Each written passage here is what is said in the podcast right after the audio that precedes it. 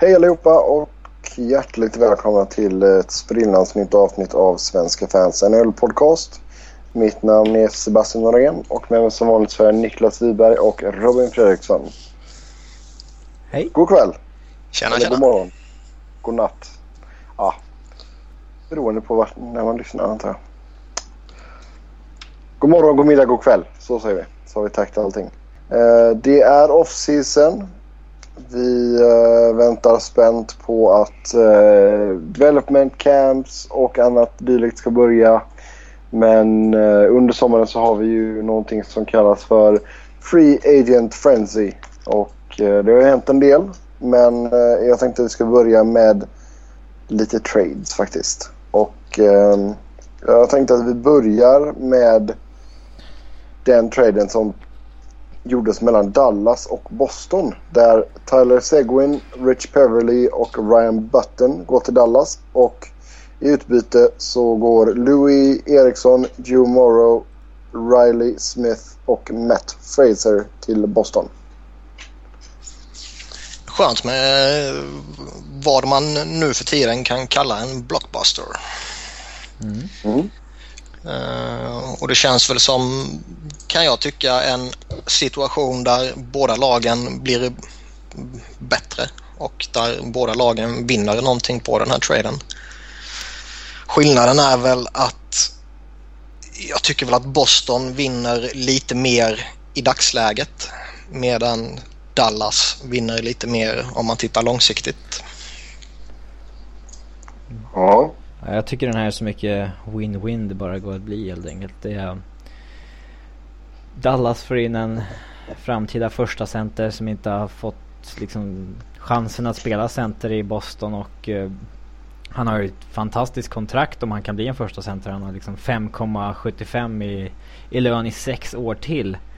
Jämför med vad övriga första centrar signar för nu liksom. Det, det där kan, det där kontraktet kan vara ett ordentligt stil. Um, Det kan också vara helt åt helvete om han fortsätter ha problem. Mm, ja men vad fan, han var lite svag i slutspelet bara men det var... äh, Det, hans eh, off-ice problem tycker jag är lite överdrivet. De flesta Nej, det spelarna- var, inte, det var inte det jag menar. Ja. Det, det är ju bara jävla hyckleri um, med tanke på att uh, visst, dagens kids de festar men uh, alltså tittar man på hur det såg ut under typ 70-tal, typ 80-tal så såg det ju exakt likadant ut. Mm. Bara det att då var det ingen som brydde sig och då var det ingen som visste på samma sätt hur det påverkar typ kropp och prestationsförmåga.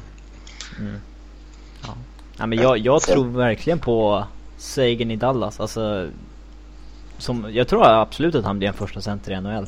Eh, visst, det, det kan väl liksom slå fel. Det kan det väl med alla. Men jag tror att de har fått in sin första center här. Eh, sen är Rick Peverly, det är ju en, eh, en solid spelare som hade lite för hög cap hit för Boston bara. Som de var tvungna att dumpa och eh, Dallas nya med GM Jim Neal har ju sagt att han ska spela i topp 6 faktiskt. Det, det ska bli intressant att se. Ryan Button tror jag bara är en eh, spelare de har slängt in för att ja, inte de, Boston ska få för många kontrakt.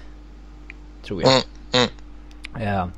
Och det Boston får är ju Louis Eriksson som är en av uh, spelets bästa tvåvägs-wingers. Och han har ju dessutom på ett, eh, ett väldigt bra kontrakt i tre år till på 4,25 miljoner. Och det, det gynnar ju Boston väldigt mycket. Och där han dessutom är en mer naturlig winger än Tyler Sagan.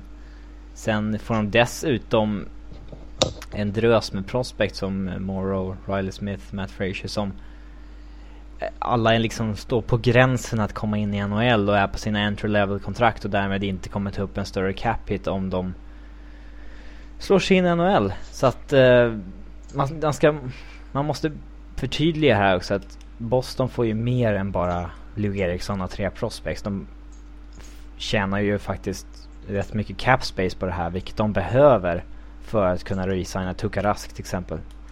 Och Mm. det är ganska viktigt att påpeka. Men när man ser tillbaka på den här traden om 5-6 år då kommer man ju undra varför de inte fick något mer men och glömma bort att de hade en jobbig cap situation just då. En intressant aspekt i den här traden det är ju Joe Morrow. eh, som ju skeppades ut från Pittsburgh vid eh, ja, inför trade deadline. Mm. Eh, frågan är ju om det var Dallas som ville ha in honom i den här traden. Då de tyckte att han inte såg ut som de hade förväntat sig när han spelade i eh, Texas Stars i AHL. Eller var det Boston som bad om honom? Ja. Det är en jävla skillnad. Man ska väl vara tydlig med att det var ju inte nuvarande GM eller coach som var här när de tog in honom.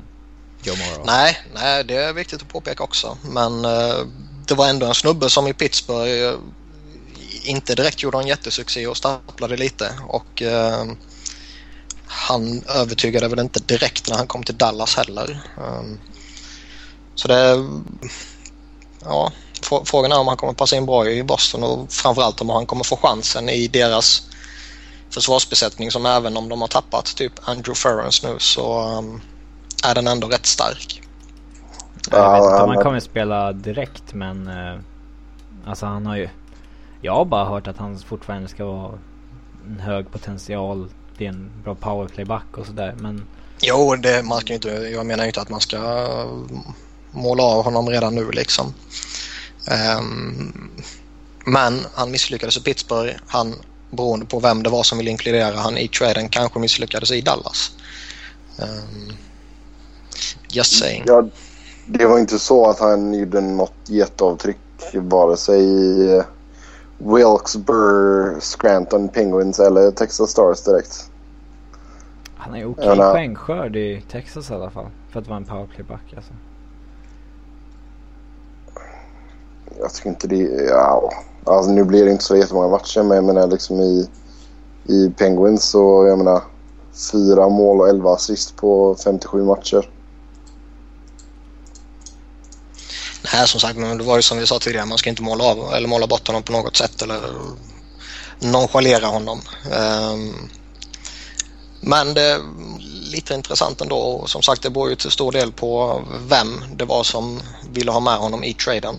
Ehm, och det får man väl kanske egentligen inte reda på, på förrän kanske om väldigt många år när Peter Chiarelli skriver sina memoarer kanske. Mm, ja, Louis Eriksson då? Alltså... Ja, det är väl kul för honom att komma till en större marknad framförallt och ett bättre lag i min mening. Det som gör det, den traden rätt eh, spännande är ju att eh, han, om man tittar på hur deras kedjor ser ut idag, kommer gå in och spela med, med Patrice Bergeron och Brad Marchand. Vilket eh, kan bli en snuskigt effektiv tvåvägskedja. Eh, vi såg ju alla vad Bergeron och Marchand kunde göra i slutspelet och vad de har gjort i tidigare slutspel. Och eh, få in en Louis Eriksson där som både är målskytten och som du nämnde tidigare Robin, den väldigt skickliga och kloka tvåvägsforwarden där känns som den kedjan kan bli extremt jobbig att möta. Mm. Ja, eh, många ser den här traden som att Boston ger upp på Sagan men jag vet inte om det är det det handlar om riktigt. Det är väl mer att de måste offra en av sina... Ja, eh, det, det är det väl. För att få samtidigt... in ja, cap space helt enkelt. Ja, men, men samtidigt, samtidigt så var man ju trötta på dem. Men det, det tror jag man ger inte upp om en så pass talangfull spelare bara för att man är lite trött på hur han sköter sig off ice. Då, då har man något helvete för dåligt tålamod. Jag tror helt enkelt det handlar om att uh, man är i en situation där man har tre stycken extremt tydliga topp 6-centrar. Och där man i princip måste göra en uh, prioritering. Uh, ingen av de tre ska ju vara en winger. Mm. Utan då får man helt enkelt välja två av de tre som man behåller för och sen göra sig av med den tredje. Och då tycker jag både idag och fem år in i framtiden så tycker jag att det var det korrekta beslutet att behålla Bergeron och eh, David Krejci. Ja, det håller jag med om. Ja, jag hade nog ja. kanske skickat Krejci om, om jag var tvungen att skicka någon av dem. Men, eh, Men sen samtidigt titta på vilka prestationer han gör i ett slutspel alltså. Titta hur ja, viktig där, han är för fanns... Boston. Det är, det är där hans styrka ligger och Boston så länge de har den här coren kommer ju alltid vara ett slutspelslag. Och tar Boston sig till slutspel de närmsta två, tre åren så kommer de ju alltid vara en contender.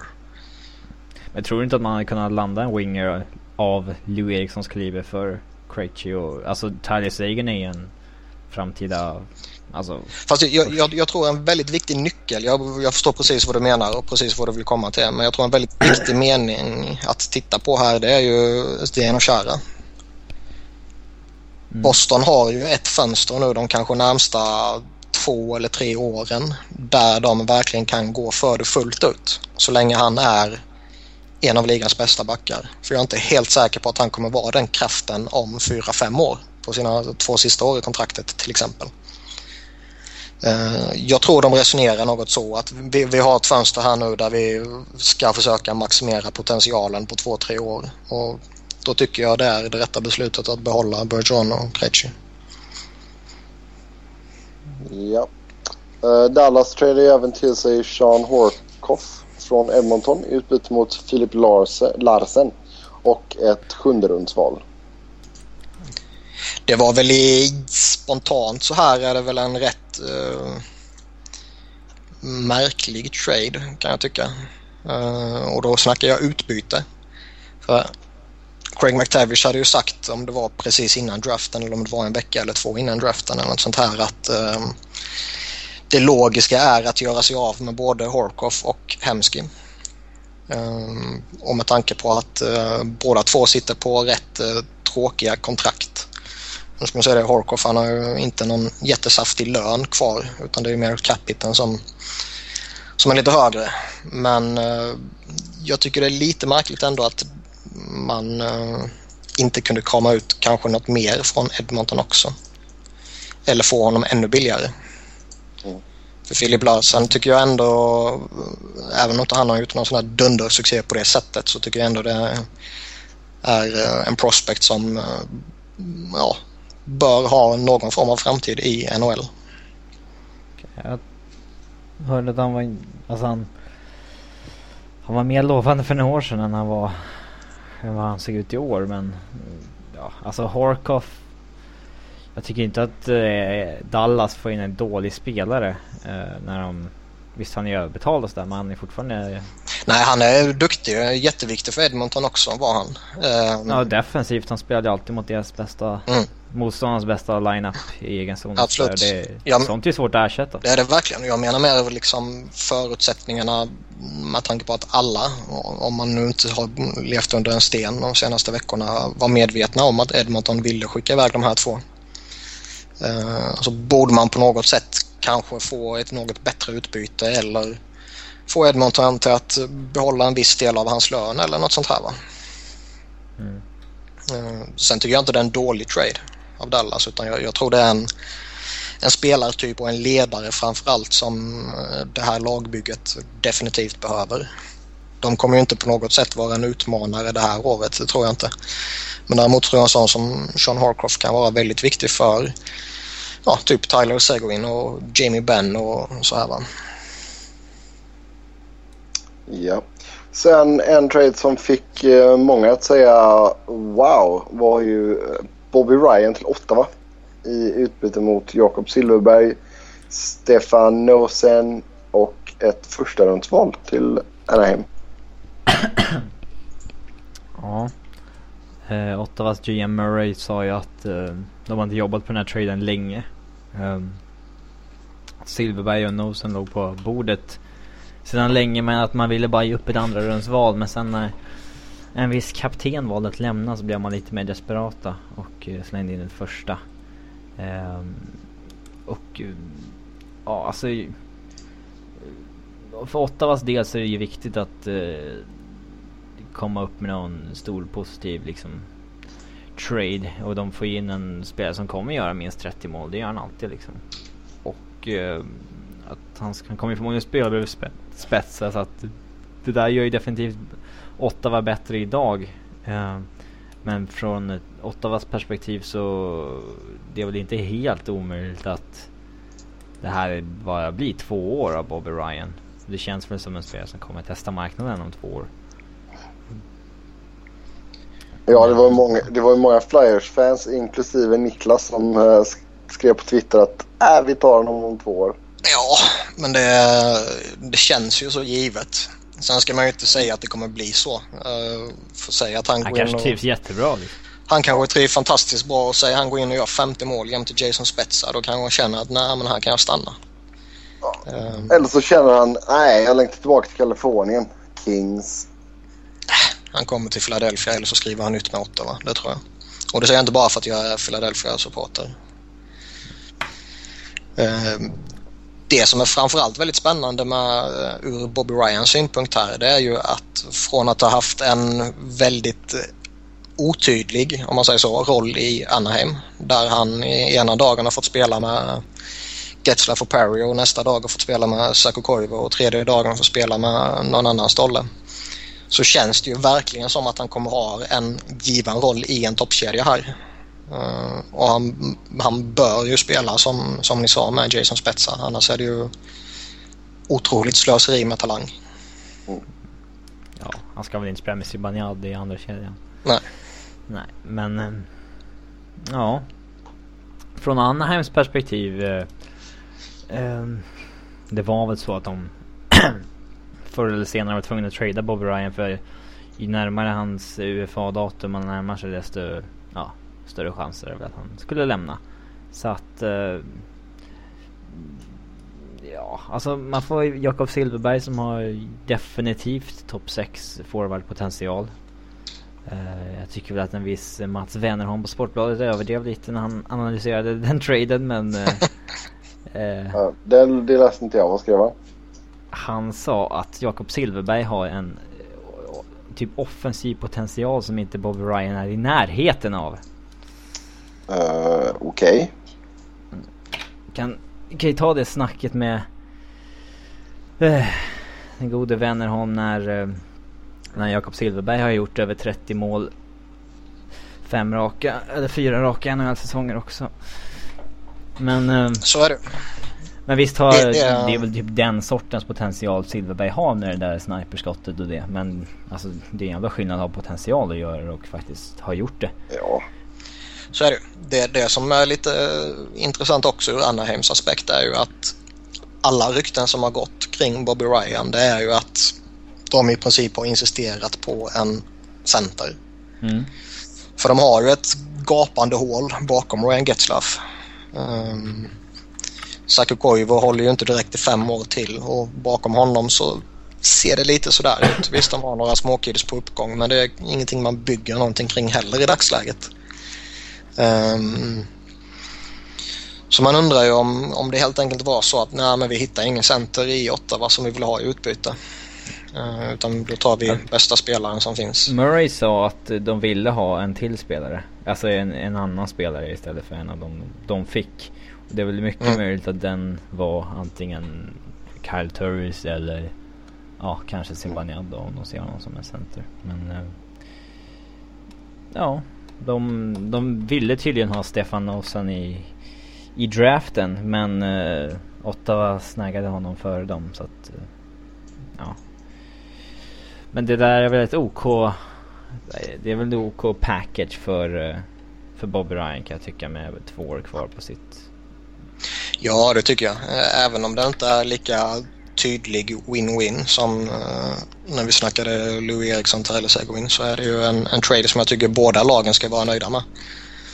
Eh, jag tycker ju att om man bortser från eh, ja, ledaregenskaper och allt sånt där som Daniel Alfredsson bidrar med så tycker jag att Ottawa blev bättre med Bobby Ryan. De tappar ju Silverberg som förmodligen är en 20 målsskytt också Jo, men de får in en 30-målsskytt. Jo men de tappar ju Alfredsson och Silverberg och Och de får in Clark MacArthur som jag tycker eh, är bättre än vad han eh, fick ett rykte om sig i, De- eller inte Detroit, förlåt, Toronto. Absolut Ehm, Men ja Jag tycker väl ändå bägge lagen Bör vara nöjda med den här traden Men eh, om jag skulle vara lite mer orolig om jag var Ottawa Med tanke på Bob Ryans kontraktstatus Ehm, Nej men så är det. Visar det sig att han lämnar om två år beroende på vad Ottawa gör i slutspelet. Går de in och vinner två raka Stanley Cup och sen sticker då ska man vara nöjd. Men, mm. Och Silverberg uh, fullföljer den potentialen som Bobby Ryan inte är i närheten av i Anaheim. Då, då ser det illa ut. Det gör det. Har han kommenterat den här traden någonstans förresten, Silverberg? Jag har inte sett någon. Han sa, ja han tweetade nog att det skulle vara kul och ja.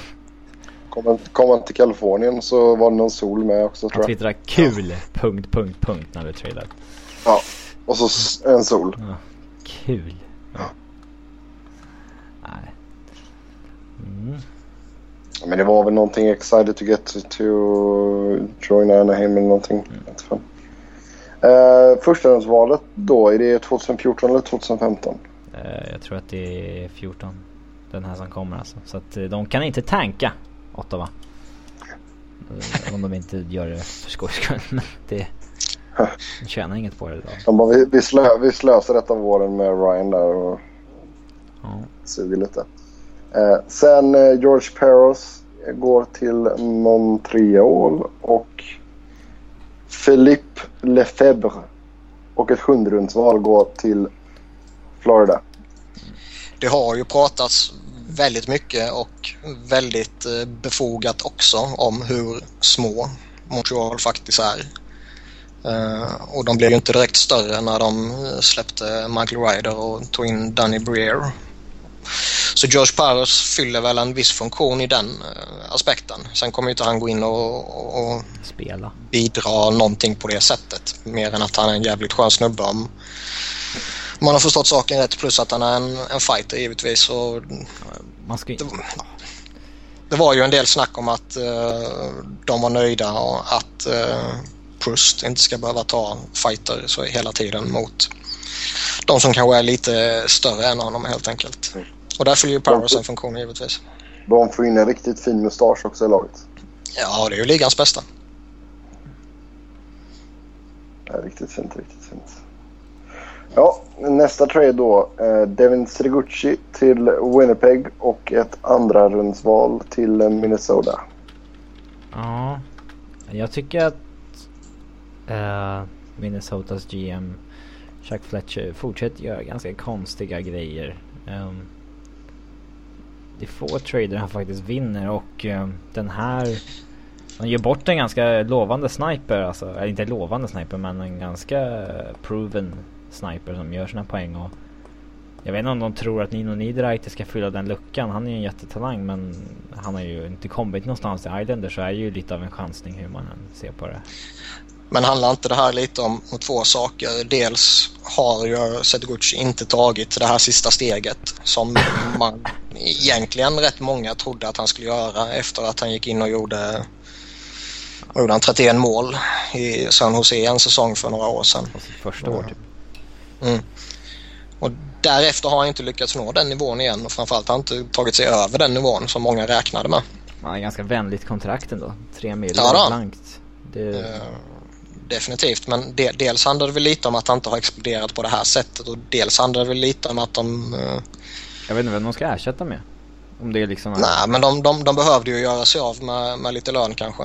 Uh, framförallt när de släppte honom. Sen direkt efter det så presenterade de ju att de hade tagit in Matt Cook. Men det, det, det återkommer vi till så småningom. Men de har ändå lite unga killar som jag tror att de kommer slussa in. Mikael Granlund ska ju in i NHL efter en liten halvdan första säsong här till exempel. Och Charlie Coyle kan ta en ännu större roll och jag tror man kommer släppa fram kidsen. Niederreiter som du nämnde. Mm. Yes. Ja, sen eh, återvänder Henrik Tallinder till Buffalo från New Jersey. Och eh, Riley Boychuk går motsatt väg. Boychuk är ju bara en throw-in, det är ingen, det är nobody. Men eh, ja, de ger ju i stort sett Talinder tillbaka till Buffalo för att slippa hans cap hit. Eh, och Buffalo gör väl det här som en, eh, ja, ett försök att få igång Tyler Myers igen antar jag. Fast har de de förhoppningarna så är de ju galna. Nej, jag, jag förstår inte detta överhuvudtaget. Henrik Talinder har ju inte varit bra i NHL på en jävla tid. Han väl åka um, första säsongen i Devils typ. Så här. Ja, och vad var det? Tre år sedan Eh, men han har ju varit bedrövlig sen och visst han har haft lite skadeproblem och sånt här så man kan väl alltid nämna det som någon form av bortförklaring men han har inte varit bra, så enkelt är det. Uh, visst, han kanske kommer vara viktig i Buffalos uh, omklädningsrum och sånt här va. Men han kommer ju inte fylla någon jättefunktion på isen. Uh, jag tycker väl att gör de New Jersey en sån här relativt stor tjänst som de ändå gör genom att ta det här kontraktet från dem så bör de kanske få något bättre utbyte också kan jag tycka. Ehm, med tanke på att eh, New Jersey när de hade Talinder inte, var, inte hade jätte, jättemycket eh, utrymme under lönetaket faktiskt. Och de har fortfarande kvar eh, Mark Zidliski att signa. De har kvar Adam Henrique att signa. Jakob Josefsson om de vill behålla honom till exempel. Ja. Nej, jag, jag vet inte. Jag håller med dig där att han har inte varit bra på väldigt, väldigt länge. Ja, då lämnar vi tradesen där. Och så går vi över på Free Agency Frenzy. Och eh, det hände ju en jäkla massa första dagen där. Mm. Det var väl lite som med nya CBA där de fick... De tillåts snacka med lagen innan... Eh, innan, innan Free Agency öppnas så att säga. Då blev det Det tycker jag är ganska bra ändå. Jag vet inte. Men alltså, Ja, då hinner man, ju känna, hinner man ju känna av lite innan allting börjar. Så blir det väl mindre alltså... Så sades väl att uh, spelarna gillade det men klubbarna gillade det inte. Men sen samtidigt, sitter man som klubbledare och man har en spelare som man desperat vill behålla och man inte har ett kontrakt säkrat med honom två dagar innan Free Agency öppnar, då förtjänar man fan ta mig att tappa den här spelaren. Har man spelare man Jo, vill men- behålla så ska man aldrig låta dem nå UFA-status. Så enkelt är det.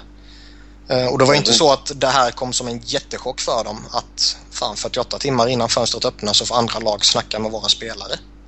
Det var inte så att eh, NHL släppte den här nyheten till dem eh, en timme innan det, de tilläts göra det liksom. Men Bob McKenzie sa väl att eh, det gick lite väl snabbt fram där typ att lagen...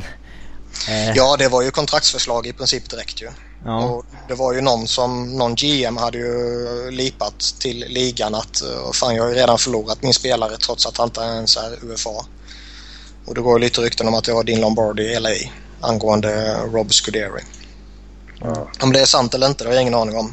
Ehm, Okej. Om det var just han då alltså. Men, Men, ligan skickade väl ut någon varning då sa att Ja. ni får faktiskt, ja ni får ju snacka med dem men inte diskutera, ja nej, alltså form, formella kontraktserbjudanden får inte komma förrän fönstret öppnat och det kan jag tycka är rätt. Ehm, men jag tycker också Jo. att ma- man slipper ju den här eh, om det var för eh, ett år sedan eller om det var två år sedan, det minns jag inte exakt. Men när det inte hände någonting egentligen de första två dagarna.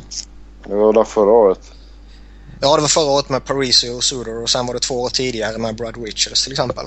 Um, där det är så många lag inne på de största namnen så innan de har lämnat besked så gör de andra lagen som väntar på beskeden ingenting liksom. Så då har det ju inte blivit riktigt den här frensin som man vill ha. Det blev det ju verkligen den här veckan. Nej men jag tycker det är bra. Alltså, de upp och kolla läget liksom och sådär. Sen är det klart som du säger att det, de får vänta med officiella kontraktsförslag till eh, när, tills när det öppnar då. Men, Mm. Och jag säger som jag sa i ja, början, alltså, lå- låter man sina spelare som man vill behålla nå UFA-status eller nu nå det här fönstret innan fönstret öppnar så att säga, då, då förtjänar man att tappa dem. Då är man inkompetent, så enkelt är det. Eller så vill spelaren inte vara kvar och då har man inget att välja på. Ja, i alla fall. Vi eh, tar lagen i eh, bokstavsordning här. Och vi börjar då med Anaheim Ducks. Jag tänkte säga Mighty Ducks men det är ju bara Ducks. Mighty Ducks of Anaheim. Ja. Som de en gång hette. Eh, det har inte ens det jättemycket utan man har skrivit nya kontrakt med eh, Saku Koivu. Eh, ett år 2,5 miljoner och Matt Beleski två år 1,35 miljoner. Du har ju nu i efterhand också bekräftats att eh, Saku Koivu har en grundlön på 2,5 miljoner men han har bonusar på 1 miljon. Så beroende på... Capiten är 3,5 Ja, om man når sina bonusar. Ja. Det, när man skriver med, med sån här gammal snubbe så är det ju bonusar som typ att ja, spelar han 25 matcher så får han dem liksom. Det, ja, då får han 100 000 och sen så gör han fem mål får han 100 000 till. Och... Ja, sådana där grejer. Sånt roligt. Um, ja, det är inte så mycket mer att säga om, om Anaheim där va?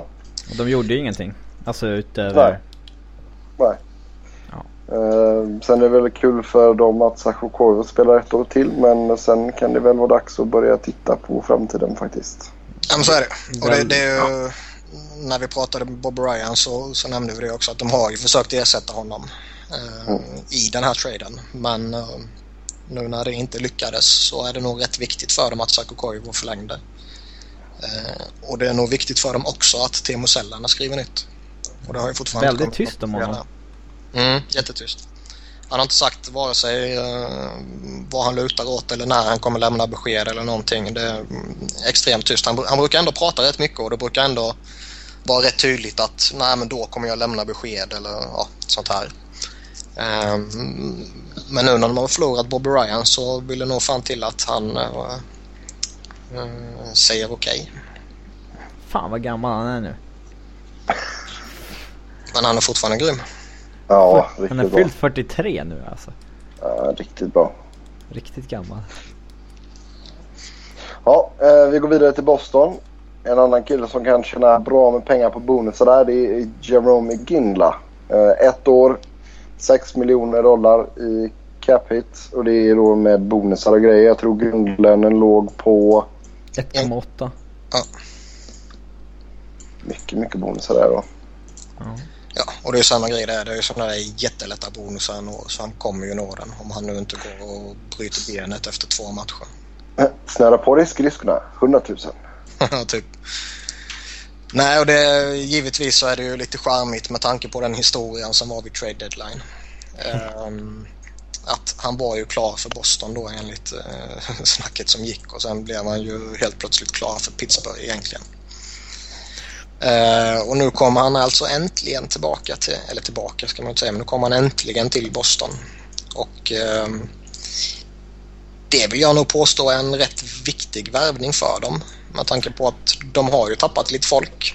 Han ersätter ju Nathan Horton rakt av känns det som.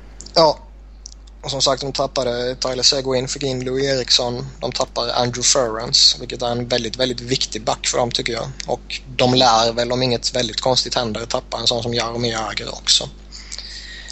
Uh, och Iginla känns väl som en rätt uh, naturlig ersättare till Hawthorne i deras uh, ja, första eller andra kedja beroende på hur man rangordnar dem där nu med Krejci och Milan Lucic. Ja, Ja. Det som, är, ja. sen, det som är lite spännande också kring Iginla är att han fick ju sjukt mycket skit när han ja. mobbade Boston och gick till Pittsburgh. Både av eh, när han gjorde det och under slutspelet. Av allt från eh, spelare till framförallt Boston-media. Mm. Eh, där de sågade honom rätt jävla saftigt alltså. Ja, men de vänder ju på kappan direkt här nu. Ja, det är klart de kommer göra det. Men det kan ändå bli en, komisk situation. Ja. Alltså, han, hans borde ju gått till... Det är lätt att se med fast i hand, men han passar ju bättre in i Boston än i Pittsburgh känns det som. Mm. Det, det tycker jag. Um, sen kommer han väl få spela right winger i i Boston vilket han inte fick i Pittsburgh. Så att, uh... Nej, och det var det som var det stora problemet med, med Pittsburgh. Att de, man värvar inte in en, uh, vad är han, 36 nu va? Ja. Som har gjort uh, minst 30 mål i typ 25 år eller något sånt här. Uh, och sen spelar honom på en annan position. Det, fan, det gör man bara inte. Oavsett vilka centra man har så gör man inte det. Han har gjort minst 30 mål och minst 30 assist i över 10 säsonger. Så att uh, trots att han liksom tappade av lite i år så... Alltså han är ju långt ifrån slut. Det, det Nej, han har, säkert, han har säkert en två, tre år kvar på en väldigt hög nivå, det tror jag. Framförallt när han ska in på... Alltså i ett mycket bättre lag. Alltså en Calgary menar jag, inte, inte en Pittsburgh. Men... jag tror att han kommer göra... Kunna nå 30 mål och 30 assist igen. Absolut. Oh ja. Ja, nästa lag på vår lilla lista här är Buffalo och där har det inte hänt jättemycket. Nej. Det är väl å ena sidan rätt väntat att de eh, inte skulle hitta på särskilt mycket med tanke på att de har eh, eh, ja, de ska in i en rebuild mode nu på något sätt. det som är mest intressant kring dem det är ju vad som händer med Thomas Wernick och Ryan Miller framför allt. Där de är involverade i både två, tre, och fyra och fem rykten. Mm. Vanek bör de inte ha jättebråttom att göra sig av med för han är fortfarande duktig. Och man såg ju under säsongsinledningen vilken hög kapacitet snubben kan ha. Sen är han ju i det här laget har han gjort helvete för ensam. De har ju inte en snubbe som kan göra någon nytta med honom. Eh, Ryan Miller har väl lite likt eh, Roberto Longo i Vancouver egentligen eh, lämnat Buffalo-tiden bakom sig känns det lite som. Mm. Och väldigt mycket tyder ju på, eller tydde ska man väl säga, på att han kommer, skulle tradas denna sommaren. Nu känns det väl lite som att målvaktsmarknaden inte är jätteöppen med tanke på att de som var ute efter en målvakt har fått en målvakt nu. Ja, den känns väldigt stängd faktiskt. Ja. Ja. Calgary. Calgary. Det är inte mycket där, inte mycket där heller. Nej, och de är också i rebuild-läge. De har eh, signade målvakten Kari Ramo på två år på en väldigt hög cap på 2,75 mille.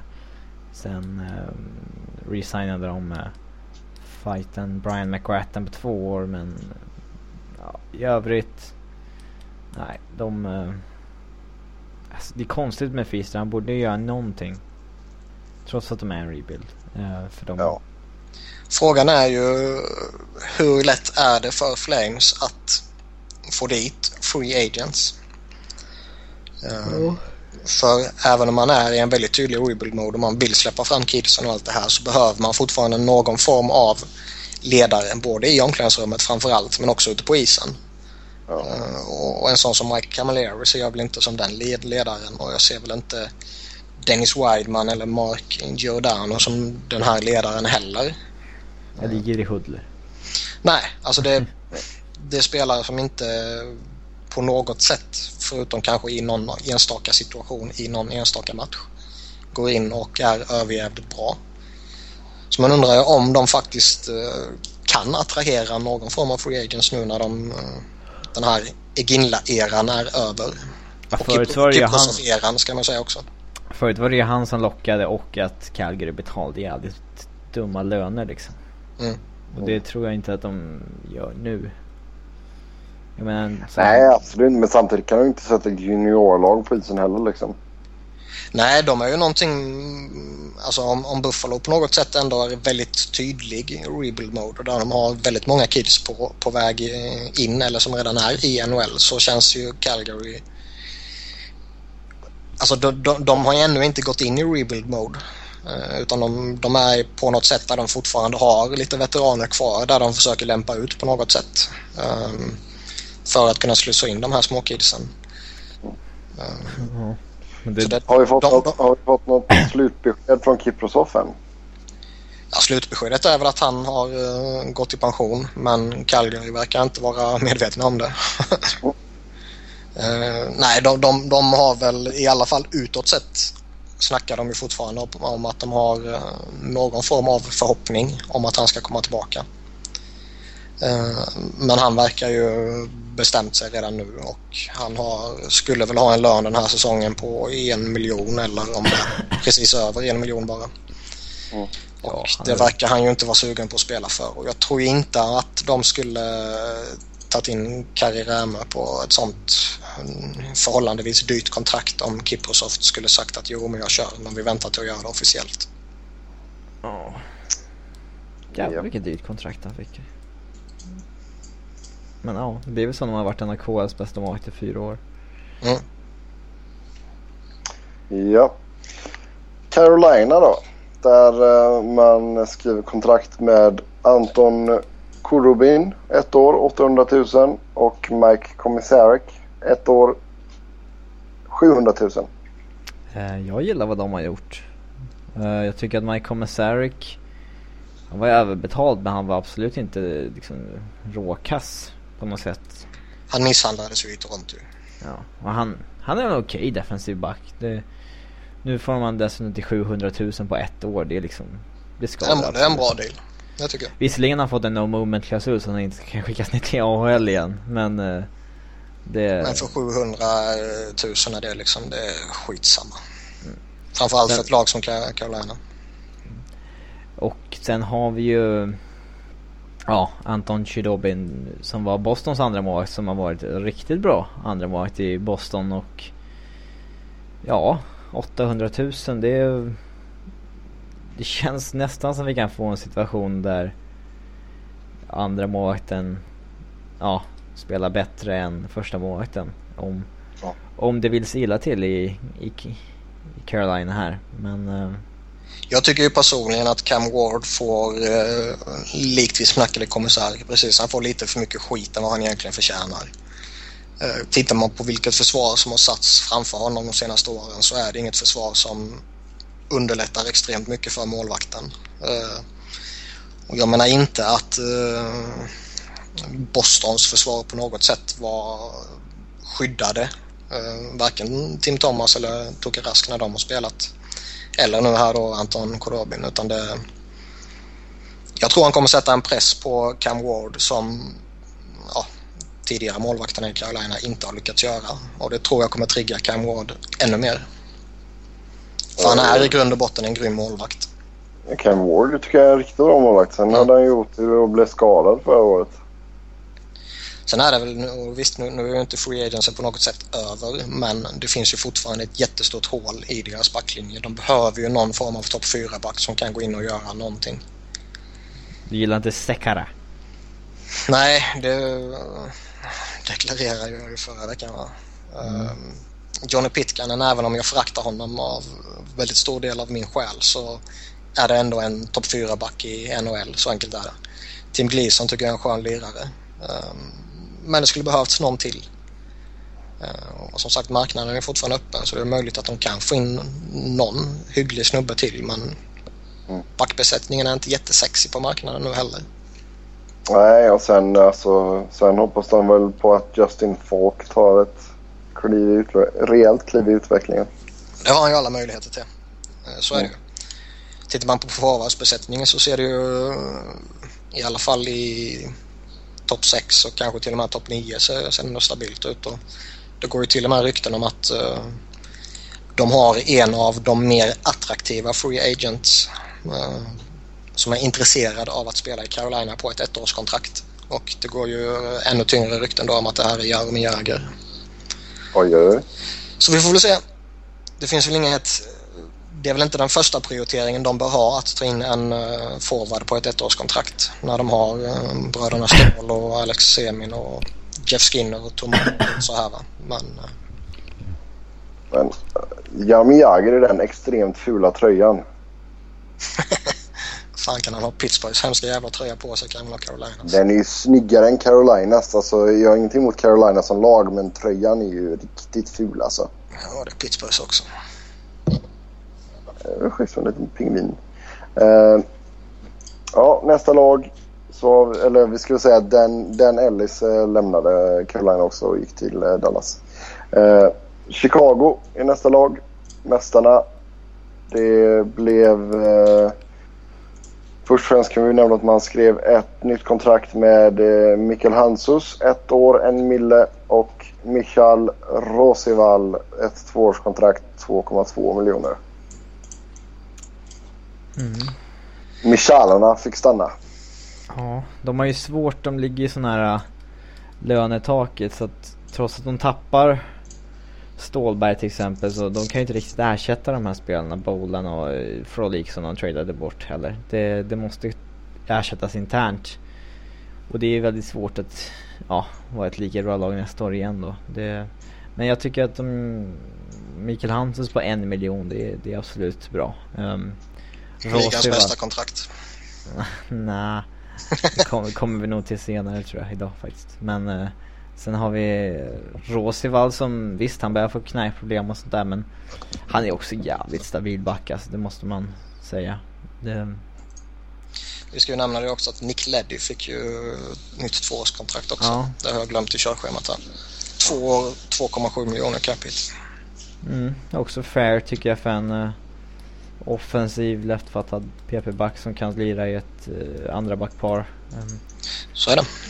Men de har ju, jag, jag tycker att Habibulin han fick han är gammal och han är inte så jävla bra längre egentligen. Jag tycker två miljoner för honom är ja, det var alldeles mycket. mycket. Skulle mm, inte signat någon på, borde inte signat någon på över en miljon tycker jag. De hade kunnat signa Dan Ellis eller Rickard Bachman eller någon av de här andra som ja, vilja signa för mycket lägre. Ja, för de har ju 2,5 miljoner i capspace nu och alltså det är väl inte en omöjlighet att Marcus Kryger fyller ut en del av en, en rätt stor del av de 2,5 miljonerna. Mm. Jag kan tycka att ett fair kontrakt för honom är kanske 2 eh, miljoner. Några hundratusen mindre kanske. Mm, han ska väl två, det, de har sagt att det är två årskontrakt i alla fall och då ska han väl ligga någonstans mellan en och en halv och två miljoner kan jag tycka. Mm. Ett bridge deal. Men äh, ja. Då finns det inte så mycket övrigt. Alltså sen någon Nej. går och skadar sig, man behöver kalla upp lite. Alltså, sådana grejer. Det, de har alltså, det tight. Ja, de har ju en situation där de investerar väldigt mycket pengar i 6-7 spelare och då, ja, det blir inte mycket över. Så är det. Sen är det tufft att kritisera det upplägget med tanke på att det har gått rätt bra för dem de senaste åren. Ja. Och sen Corey Crawford tjänar ju bara 2,6 mille och är i UFA nästa sommar. Efter ett slutspel där han fick eh, väldigt mycket hyllningar så att... Eh... Niklas Hjalmarsson UFA om ett år också. Mm. Det... Ja, de har lite... Ja. Två år så har vi både Taves och Kane som är UFA och de tjänar ju bara 6,3. De ska ju upp på Getzlaff och Perry-löner med tanke på att det är en UFA-förhandling. Oh ja. ja, men då är capen uppe. Ja, men... Ja. Ja. Eller det är vad jag tror i alla fall. Jo, men det, den kommer upp. Det, det säger ja. ju alla. Men eh, i, i samband med att capen går upp går ju liksom lönekraven upp också. Ja. Mm. Ja, det får matematikerna sköta. Ja, men alltså man ser ju inte kontrakten som att ja, en toppcenter ska tjäna så mycket. Utan man ser ju typ en toppcenter ska ta upp så här många procent av hela löneutrymmet. Ja. Och det... Mm. Taves kommer ju få liksom 8,5 eller någonting när han ska... Om han haft en bra säsong före det här går ut. Det är väl nästa ja, men alltså sommar. Sen, sen det, alltså jag, jag kan förstå att de vill tjäna så mycket pengar som de bara kan. Men alltså samtidigt så alltså, hade jag varit till exempel Taves så. Eh, som du säger, han kan få 8 över 8 om han uh, testar marknaden så kan han nog få ännu mer. Men... Ja, men alltså varför inte nöja sig med 7,5? Eller 7. Det gör inte en jätte, jättestor skillnad på deras lagbygge. Så tar han väl hellre den miljonen själv.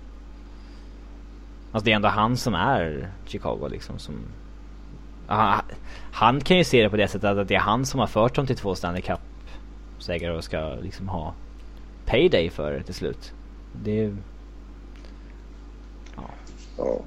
Ja, jo, men sen, sen vet inte jag hur mycket pengar han får in på sidan om heller med sponsorgrejer och sånt. Men... Ja, han klarar sig ju. Det kan jag nog lova dig. Om det är det du tänker på. Nej, men jag menar tjänar man så, så, så, så, så alltså hiskeligt mycket pengar så eh, jag vet inte. Har man mycket vill man ha mer. Ja. Det ryktas att Taves har det lite snålt just nu. Det... Ja, vem vet, han kanske har en jättedyr hobby. Han kanske köper nya bilar varje vecka. Det vet jag inte. Mm. Eh, men som sagt, som ni nämnde, man tappar Stålberg, man tappar Ray Emery och... Eh, ja, försvagning på målvaktssidan i alla fall, det måste man säga. Ja, alltså, va, alltså sen kan jag förstå att man inte eh, ville liksom testa med typ Henrik Karlsson eller någonting. Men ta in Harry Bullin för två miljoner, det, det känns ju lite väl saftigt. Ja, men när... Det är ett märkligt val är det.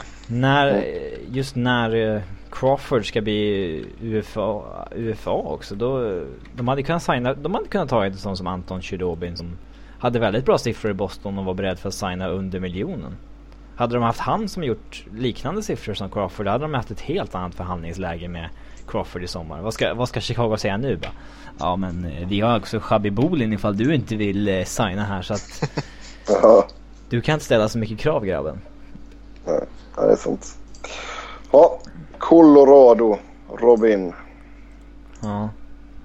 Vad gjorde ditt kära Avalanche? Inte ett skit. De köpte ut eh, Greg Sanon, eh, skäggiga Greg Sanon alltså. Och eh, ja, signade André Benoit som eh, var väl en OK-back i, eh, i Ottawa i år. När ja, de signade han på under miljonen så att det, det skadar väl inte.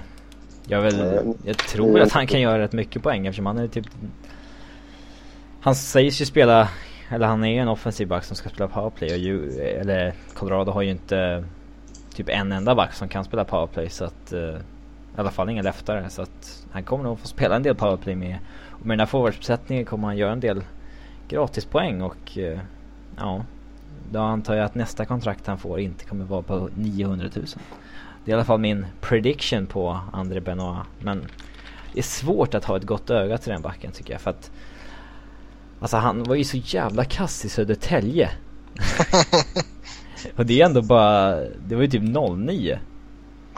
Och han var såhär flopp-transatlanten i elitserien då som gjorde fyra mål på hela säsongen och jag tror tre av dem var mot Djurgården. Så att jag... Fina Ja, grejer.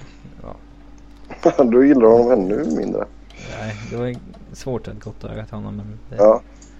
det väl okej. Jo men, jo, men vadå, det är ju många spelare som är ganska kassa när de kommer över. Jag tänker till exempel på Thomas Grice som uh, spelar i Ja. Brynäs. Han, han var ju skit. Annan situation för målvakter dock men det... Ja. ja men ja. Jag, var, jag är ändå ganska nöjd att Colorado inte gjorde något, signa något Scuderi-kontrakt eller någonting som de, de skulle ångra sen. Det... Se på, vad, se på vad Andrew Fearon signade i Edmonton. Jag hade nog inte tagit honom på det kontraktet gärna. För de... Avs kommer få ha andra spelare att lägga de här pengarna på inom några år. Då, ja. Nej, jag hade inte velat ta något av de kontrakten. Nej, men tror du man kommer göra någon, någonting?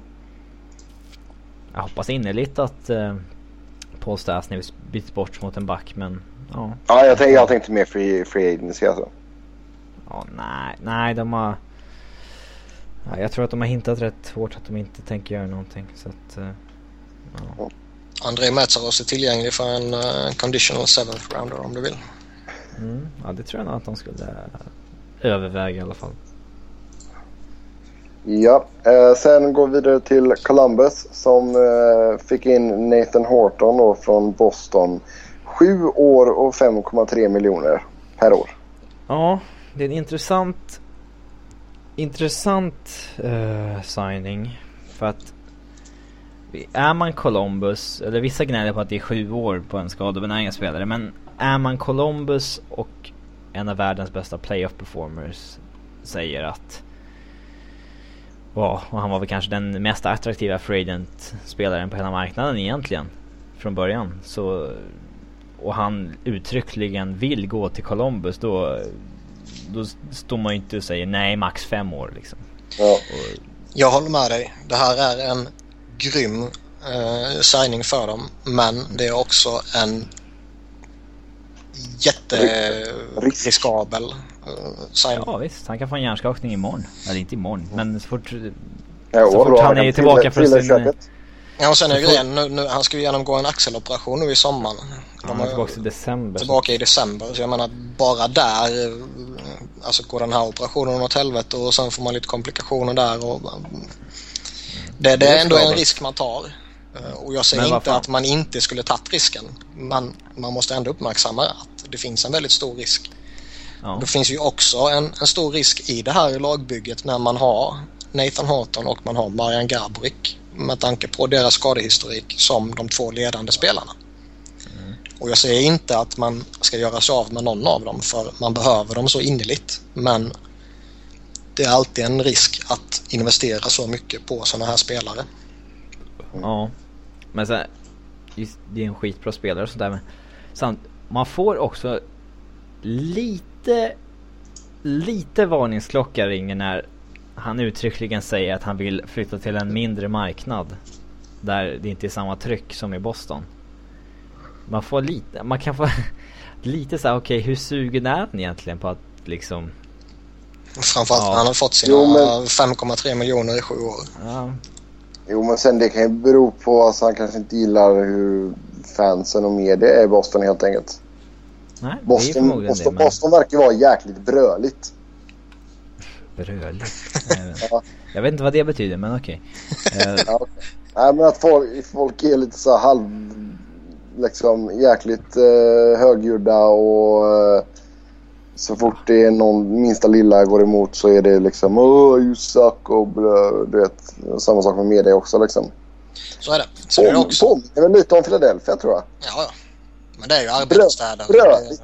Ja, men det är arbetsstäder. Klassiska amerikanska arbetsstäder. Så enkelt är det. Uh, det som är spännande är ju att man kan ju föra rätt starka argument för att Nathan Horton under sina år i Boston har levt på en skicklig center. Mm. Ja, det är lite frågetecken i Columbus. Vem ska egentligen centra mellan... Eller ja, vem ska centra Gaborik och vem ska centra Horton? Mm. Eller sätter man ihop dem i samma kedja kanske? Skicka över mm. Gaborik till vänster. Jag vet inte. Mm. Bägge ja. är ju riktigt grymma snipers men någon måste ju lira fram dem också. Mm. Det, hade, det hade ju varit en otroligt bra fit ifall Columbus hade lyckats snappa upp Mike Ribeiro till exempel. Då hade han är ju liksom inte en jättehäftig spelare på många sätt och vis. Men det hade varit otroligt mycket värt för Columbus att få en playmaking center. Ja, nu känns det lite som de, de har de här uh, Dubinski och RG Umber som är väldigt duktiga spelare men som det är ju inte en Kanske... center som ska vara mellan de två. Kanske satsa på Anisimov då? Ja, jag är nog inne på att det kanske är det man ska göra. Han har ändå uh, uh, den skickligheten som bör finnas. Om man nu inte väljer att uh, ge förtroendet till någon av de unga kidsen. Mm. Ja, man... Ja, det hade varit intressantare om de inte hade tagit Ryan Murray i draften utan tagit Alex Galchenyuk. Då hade de haft en lite intressantare kombination där framme. Så är det. Ja. Då går vi vidare till Dallas. Och eh, vi nämnde ju Dan Ellis förut och han kommer in på ett tvåårskontrakt, 900 000 dollars. Och eh, sen så skrev man kontrakt med Valrin Turskin. Eh, tre år, 2, ja, drygt 2,2. Det var en konstig avrundning från 200, 125 men okej. Okay. Ja, jag avrundar uppåt. Han är göteborgare, de får göra som de vill. Ja. Uh, sen uh, lämnar då Erik Nyström. Mm. Mm. Och det viktiga för Dallas det var ju de här traderna vi har snackat om. Um, mm. Dan Ellis är ju en nobody i sammanhanget. Uh, Nishushkin är givetvis en uh, spännande spelare som tog från draften här och som förväntas väl gå direkt in i NHL här nu. Det ska bli väldigt intressant att se faktiskt. Det...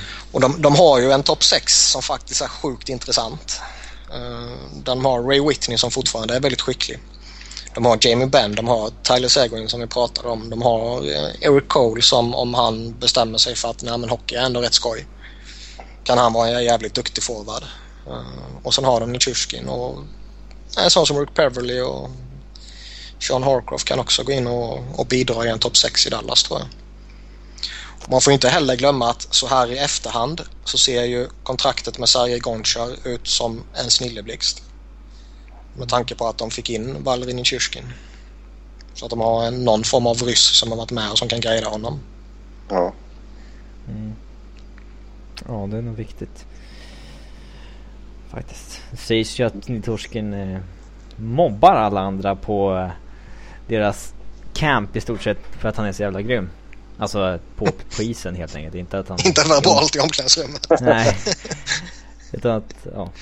Men det var ju många scouter som var inne på att Nitorskin skulle vara en topp tre spelare om han inte hade varit ryss liksom. Och det, att han möjligtvis skulle spela i KL och sådär. Så att, ja. Att Dallas tar honom som tia och nu att han nu spelar i, K i NHL. Det, ja. Man bör ju inte betrakta honom som tionde val som kommer in i NHL. Han ska man nog ha rätt höga förväntningar på. Det ska bli väldigt Jo, men intressant. det, det var väl ändå så ganska givet att han var en av de mest färdiga spelarna i draften. Ja, han och Barkov sägs ju vara de mest färdiga. Så Ja. Ja, då går vi till Detroit. Där eh, vi fick en riktig bomb där alldeles när eh, Free Agency öppnade. Och det var att man hade skrivit ett ettårskontrakt värt 5,5 miljoner med Ottawas kapten Daniel Alfredsson. mm. Göteborgssonen. Ja. ja, det var märkligt faktiskt. Ja, det var väldigt märkligt. Det, det går ju sådana galna historier om- förhandlingarna mellan Ottawa och, och, eh, och Alfredsson där. Han har ju genom åren tagit en, ett billigare kontrakt än vad han egentligen skulle vara värd. Mm. Eh, och sen när han fick ett kontraktsförslag här som var långt, långt under hans eh, värde på den här marknaden så och Ottawa sa att det här är liksom max vi kan gå till. Så verkar det som att han har blivit jävligt irriterad. Eh, och sen när de, de kom med den blanka checken till honom som det sägs så fick de inte ens ett svar på det. Och det tycker jag är ett jävligt märkligt beteende att, ha mot sin lagkapten och snubben som har varit i organisationen sedan eh, han draftades 94 liksom. Eh, då förtjänar man att tappa honom. Sen kan jag ju tycka att Visst, Detroit lockar alltid. Detroit är alltid ett lag som satsar. Eh, Så länge man har Ja, det kunde gått till bättre contenders. Ja, men alltså, och det är det jag menar. Så länge man har Datsjuk och Zäta så kommer man alltid hota i ett slutspel. Eh, Men det sägs ju att Boston var sjukt intresserade av honom till exempel. Ja. Eh, och han var ju deras första val. Det var ju först när de märkte att Alfredsson gick till Detroit som de blev kontaktade av Iginlas agent till och med. Ja. Och sen signade honom. Eh, Så de verkade vara väldigt, väldigt sugna på honom. Och där finns det ju en, en eh, mer eh, tydlig skillnad om man säger så mellan Ottawa och Boston än skillnaden mellan Ottawa och Detroit. Mm. För jag ser väl inte någon jätteenorm skillnad i om man ser contender eh, Nej, man kan ju dessutom argumentera tvärt emot att alltså skulle ett Ottawa med Alfredsson är kanske bättre än ett Detroit utan Alfredsson. Så är det. Framförallt om, de skulle, om Ottawa skulle fått in Bob Ryan också. Eh, det, det laget som är bäst av Detroit och Ottawa kan man väl säga är det laget som Alfredsson väljer att skriva på för. För han gör den skillnaden just nu. Då, så liksom jämna tycker man ändå att de är kan jag tycka. Ja, men det tycker jag. Eh, men visst, jag skulle nog ge the edge till Detroit, det skulle jag. Men eh, Sen är det ju alltid tråkigt när en sån här spelare som har gjort så många år Ja. i en och samma organisation väljer att avsluta kanske med ett år här nu bara i, i en annan organisation. Ja. Eller två år. Det ett eller två, det är väl skitsamma. Men att man ser den här, det är liksom 18 jävla år eller vad det är. Ottawa, Ottawa, Ottawa, Ottawa, Ottawa, Ottawa. Sen kommer en lockout, sen kommer det Ottawa, Ottawa, Ottawa, Ottawa, Ottawa. Eh, det är ändå sjukt respektingivande att se en sån eh, lista. Det, man ser det så sällan nu för tiden och Exakt. Det skulle bara stått Ottawa och Frölunda liksom. Det är...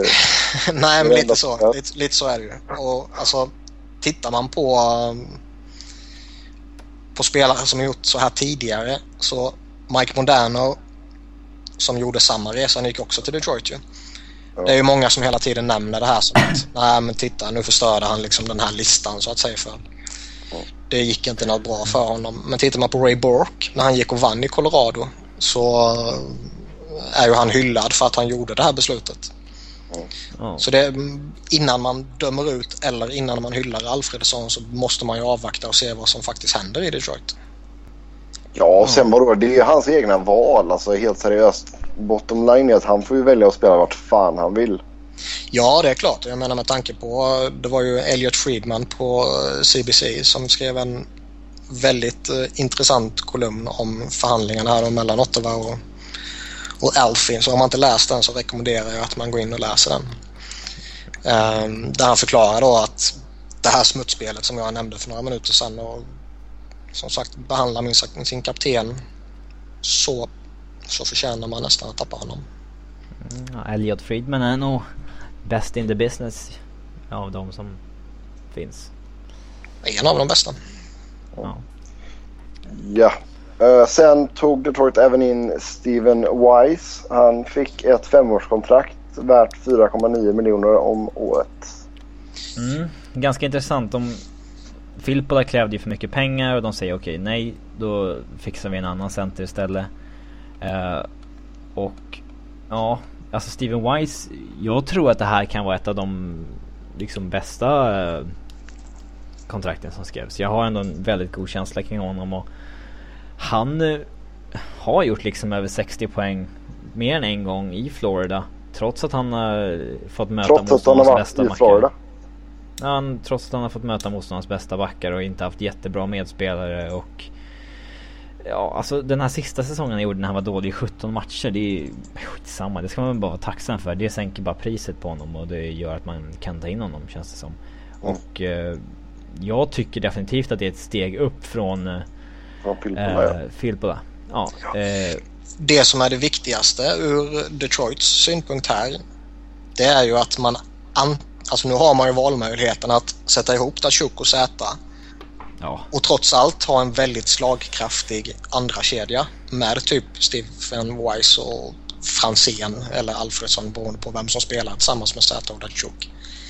Eller så har man alternativet att sära på dem och ändå ha två stycken riktigt bra toppkedjor.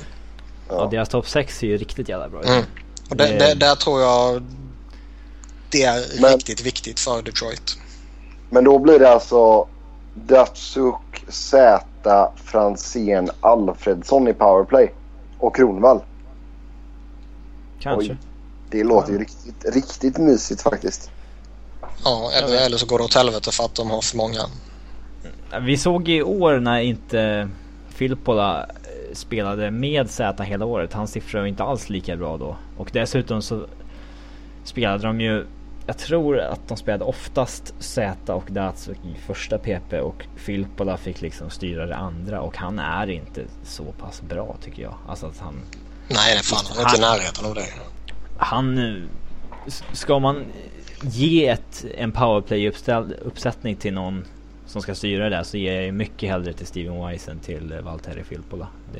definitivt. Och jag, jag tycker att Ken Holland agerar bra eh, när han liksom tar beslutet att nej, då signar vi inte Filppula om han har sådana krav och sen så signar vi Wise som... nu fick en, en bättre spelare på ett bättre kontrakt. ja, nu fick ju Filppula ett i stort sett identiskt kontrakt av Tampa. Men det var ju inte den typen av kontrakt han krävde av Detroit. Det var, han krävde ju mycket mer men sen så... Ja, fick han väl se en reality check när han träffade marknaden och insåg vad Lova ville att betala för honom. Det inte var aktuellt med några sju år på fem och en halv miljon och sånt där. Det, så att, och det, det ska bli oerhört intressant att se nu för att Tampa och Detroit kommer ju vara i samma division. Och ja, det kommer inte vara jätteotroligt om man sitter och jämför Steven Wise och Walter Filippolas siffror lite grann. Mm. När de sitter på identiska kontrakt i stort sett också. Det ska vara intressant. Jag, men jag står fast vid att jag tycker att Detroit gjorde rätt beslut där och ja, Alfredsson och Wise gör ju dem till en, ja, alltså till en contender helt enkelt. Men visst, de kanske inte är i närheten av Boston och de där men absolut så att de ja, ska vara med i snacket. Men eh, de har lite mer att göra också innan det är klart. Mm. De, har, de har inte så mycket cap space och de behöver resigna Gustav Nyqvist, Joakim Andersson och eh, Brendan Smith tror jag. Ja. Det sägs ju att de är överens med Dan Cleary om ett treårskontrakt värt 2,6 miljoner per säsong. Mm, det tycker jag nog är lite korkat gjort. Ja, jag håller med dig. Men de måste göra sig av. Dels måste de göra sig av med ett kontrakt för mm. att uh, få plats då med 50 tillåtna. Plus att uh, skri skriver man 2,6 med honom så har man, uh, är man över, över, taket. över taket och uh, man har fortfarande de här kvar att uh, signa. Och så precis som vi pratade om för några veckor sedan så är det ju ett under att Mikael Samuelsson är kvar. Nu ja, kanske han var skadad över den här Jag läste att hans agent så. skulle... De sa att de skulle fight en buyout med att hävda att han var skadad ifall det var... Mm. Om Detroit försökte med det så att säga. Ja, och med tanke uh, på att han är skadad hela jävla tiden så kan han mycket väl vara skadad på riktigt nu igen ju. Mm. Ja men han har, man kan alltid hitta någon jävla, något fel på den kroppen ifall. Så är det. Ja. Mm, de röntgenbilderna hade man inte velat se. Ja, Edmonton då. Eh, börjar med att eh, man tar in Andrew Ferrens som vi nämnde tidigare från Boston. Han fick ett fyraårskontrakt värt 3,25 mille. Mm. Lite saftigt för en back som, visst jag gillar honom som fan. Det är en, det är en liksom stabil snubbe. Men eh, ja, och visst man får väl alltid betala free agency priser. Men det är saftigt med fyra år på 3,25 och no movement class för en, en back som hela sin karriär spelat i ett tredje backpar och nu är 34 bast. Det tycker jag. Nej, jag håller med. Det, det, är en spelare som kommer hjälpa dem helt otroligt mycket de två första åren på det här kontraktet. Ehm, de två sista åren kan nog bli lite jobbiga. Och det känns väl ändå som att när, när Andrew Ferrens kanske börjar bli lite överflödig i Edmonton, det är väl kanske då som Edmonton egentligen ska bli bra. Mm. Ehm, för de kommer ju inte bara snäppa upp sig så här. Utan det, de är ju fortfarande på transportsträckan så det kommer ju dröja kanske två år innan de är i fullskalig contender mode om man tittar på vilken talang de har i truppen. Ja det känns ju absolut som att det här kontraktet kan vara en, en börda för dem när de ska resigna, ja, ha Eberle, Hall, Hopkins, Jakobov och alla de här på dyrare kontrakt. Mm. Det, det kan bli tufft. Ja, men kom, kommer man verkligen kunna signa allihopa? Ja, det tror jag nog. Alltså, visst man Alltså det beror på capen och allting men, men ändå ja. liksom, det är jäkligt många unga killar som ska ha... Det är väl ungefär som Chicagos... För, för, förutsatt att de fortsätter att utvecklas då. De ska ju ha riktiga paydays. Men det är väl ungefär som Chicagos liksom. Det, mm. det går väl men det, man får ju offra rätt mycket varje år i spelare som kommer upp och gör bra ifrån sig och sånt där som man får skeppa iväg för man inte kan resigna. Det... Ja. Sen tog man även in Boyd Gordon från Phoenix. Eh, tre år och han får tre miljoner om året. Ja, det var ju rätt galet men eh, mm. visst, de behövde ersätta Sean Harkoffs defensiva kvaliteter med en defensivt stark center. Mm. Eh, där är men Gordon riktigt bra faktiskt. Ja, men absolut. Inte, han, han är ju inte värd tre mille. Nej, men det är väl eh, ett resultat av att han var typ den enda tillgängliga renodlade defensiva centern på marknaden. Och eh, ja, Oilers var desperata riktigt, efter den. Riktigt bra tekare också, ska vi tillägga. Mm, ja det är ganska rätt. Han är bra defensivt och kan teka men han är i grund och botten en fjärde center tycker jag. Och eh, visst kanske den är en av de bästa fjärde centrarna i ligan. Men tre år på tre mille per år det är... Uh, ja... Det är, det är saftigt alltså. Mm. Jag har för mig att han är från Edmonton-området också från början. Om jag inte är helt ute och cyklar. Men, eh, så han är väl tacksam att få de pengarna. Sen eh, Ryan Jones fick ett ettårskontrakt, eh, en och en halv mille. Mm. Nej, jag har ingen vidare koll på honom faktiskt. Ja. Det är väl lite...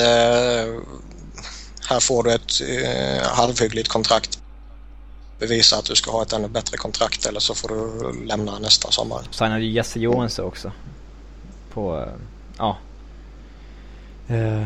Vad heter det? det tvåårskontrakt. Han gillade jag som fan i HV. Det ska bli intressant att se honom i NHL. Sen så ersätter de ju förstås Xavi Bolin med Jason LaBarbara. Så att, uh, ja. Ska bli... Mm. La Barbara, när han fick en mille fick han. Mm. En mille för mycket, eller vadå? Ja. Nej då, alltså, alltså han, han var helt okej. Okay. Ja, han var helt okej okay när han kom in och spelade eh, då när Smith var skadad. Så det, Men det ska ju alltid bli intressant att se vad ja, Phoenix-målvakter kan göra i andra lag nu. Jag tror att, eh, visst han är väl en OK backup, men jag tror också att hans siffror har varit lite dopade av um, ja, Sean Burke och David Tippett och ja. Ja det är ju mycket möjligt. Mm. Så det tror jag de andra har koll på också annars hade han ju fått mer än en miljon med sådana där siffror. Han är över 92 procent liksom. Så att... Uh... Ja men... Ja. Fast samtidigt så har han ju bevisat att han, att han verkligen inte är nummer ett. Nej, det är jag inte. Det, han, är, han är helt okej. Han verkar trivas att vara backup-målvakt också. Så det, det funkar väl bra för Edmonton. Det är nog ett rätt kul jobb. Eh, vi, ja, det, det är det säkert. Vi reser söderut eh, till Florida. Där eh, Sean Mattias eh, fick ett nytt tvåårskontrakt. Eh, 1,75 miljoner. Ja, eh, Florida har ju inte hittat på någonting spännande överhuvudtaget. Eh, Simon Strömberg skrev en väldigt intressant artikel för oss på Svenska fans där han går igenom läget i, i Florida och där han menar på att det är en liten ny era som inleds i Florida och det är Dale Talon som har eh, ja, han har fått bygga sitt lag rakt igenom nu och eh, det är ju inget snack om saken om att det här är ett lag som i, i dagsläget inte ska vara någonting speciellt. Eh, utan det är ju någonting för framtiden som de bygger. Och där kan de nog säkert vara väldigt eh, slagkraftiga så småningom om de får den ekonomiska stöttningen så att de kan komplettera alla de här eh, Hubbard och Barkov och Gudbrandsen och Kulikov och alla vad de heter. Ja. Men i dagsläget är det ju ja, Det var det. Ja. Filip Kuba blev eh, utköpt. Ja, han gjorde ingen succé i fjol så att... eh, men däremot är det ju jävligt eh, talande för kommande säsong att de använder en vanlig buyout på honom, inte en compliance buyout. Utan att den här buyouten kommer räknas mot lönetaket i två år så att eh, det säger väl en del om hur nära lönegolvet de Ja. planerar att ligga. Ja, 1,2 per år där. Så att, Yes. ja, det, det, ja, som sagt det skickar väl en del signaler om hur mycket det ska satsas närmsta två åren i alla fall. Och det är ju inte jättemycket. Nej. Vi tar oss västerut till eh, Los Angeles. Där man eh, tog in Jeff Schultz på ett år, 700 000. Ehm, och eh, Rob Scuderi lämna.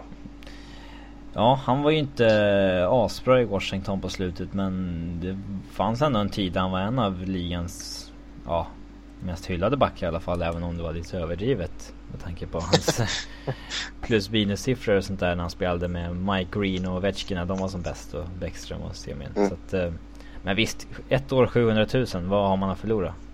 Men jag tycker att det är lite Ingenting. konstigt att eh, Kings tar in honom och, eftersom Schultz är så dålig på att hantera pucken och Kings ja, bygger mycket av sitt spel kring att backarna är och ja, kan ja, puck possession helt enkelt. Så det är Mm. lite märkligt kanske. Men ja, Jag hade väl egentligen på något sätt nästan förväntat sig att man skulle ta in någon form av eh, dyrare, om man säger så, back. Eh, med tanke på att man tappade Rob Scuderi och Willie Mitchell är ju ett väldigt, väldigt frågetecken. men man ersatte väl egentligen Scuderi med Robin Regier, känns det som. Mm, men vem ersätter Willie Mitchell? Mm, jag vet inte fan. Mike, Matt Green är tillbaka typ. Så att, Ja, Och vem ersätter Matt Green när Matt Green blir skadad? Vem ersätter Matt Green när Matt Green ersätter? Ja. ja exakt. Men nej, men det, det var väl någonting man hade så här att okej, nej men nu när de tappar Scuderi och Willie Mitchell är eh, som den ja, grönsaken han är så hade man väl på något sätt trott att någonting skulle hända. Eh, sen är det väl inte fel att ge eh, kidsen ännu mer eh, utrymme för de har ändå lite vettiga kids på uppgång och de har eh, lite halvhyggliga snubbar som som har spelat en eh, hyfsat liten roll och som kan förvänta sig en större roll som troligtvis bör kunna hantera det också. Eh, men någonstans var det ändå lite, lite förvånande att de inte gjorde någonting. Jag tycker att, ja, Kings... Tycker väl att det är rätt att de släpper Dustin Penner även om jag tror att han kan bli ett, eh, en OK pickup för något annat, annat lag. Så att jag är lite förvånad att någon inte har signat honom än. Eh, men, eh, ja. Visst, de, de tror ju mycket på det här laget och de, det har ju gått bra i ett par år så att, ja. Får väl köra vidare på det om de vill. Ja, alltså sen är ju inte lönesituationen den bästa i LA heller liksom. Nej. Så eh, jag, vet inte, jag förväntar mig inte allt för mycket.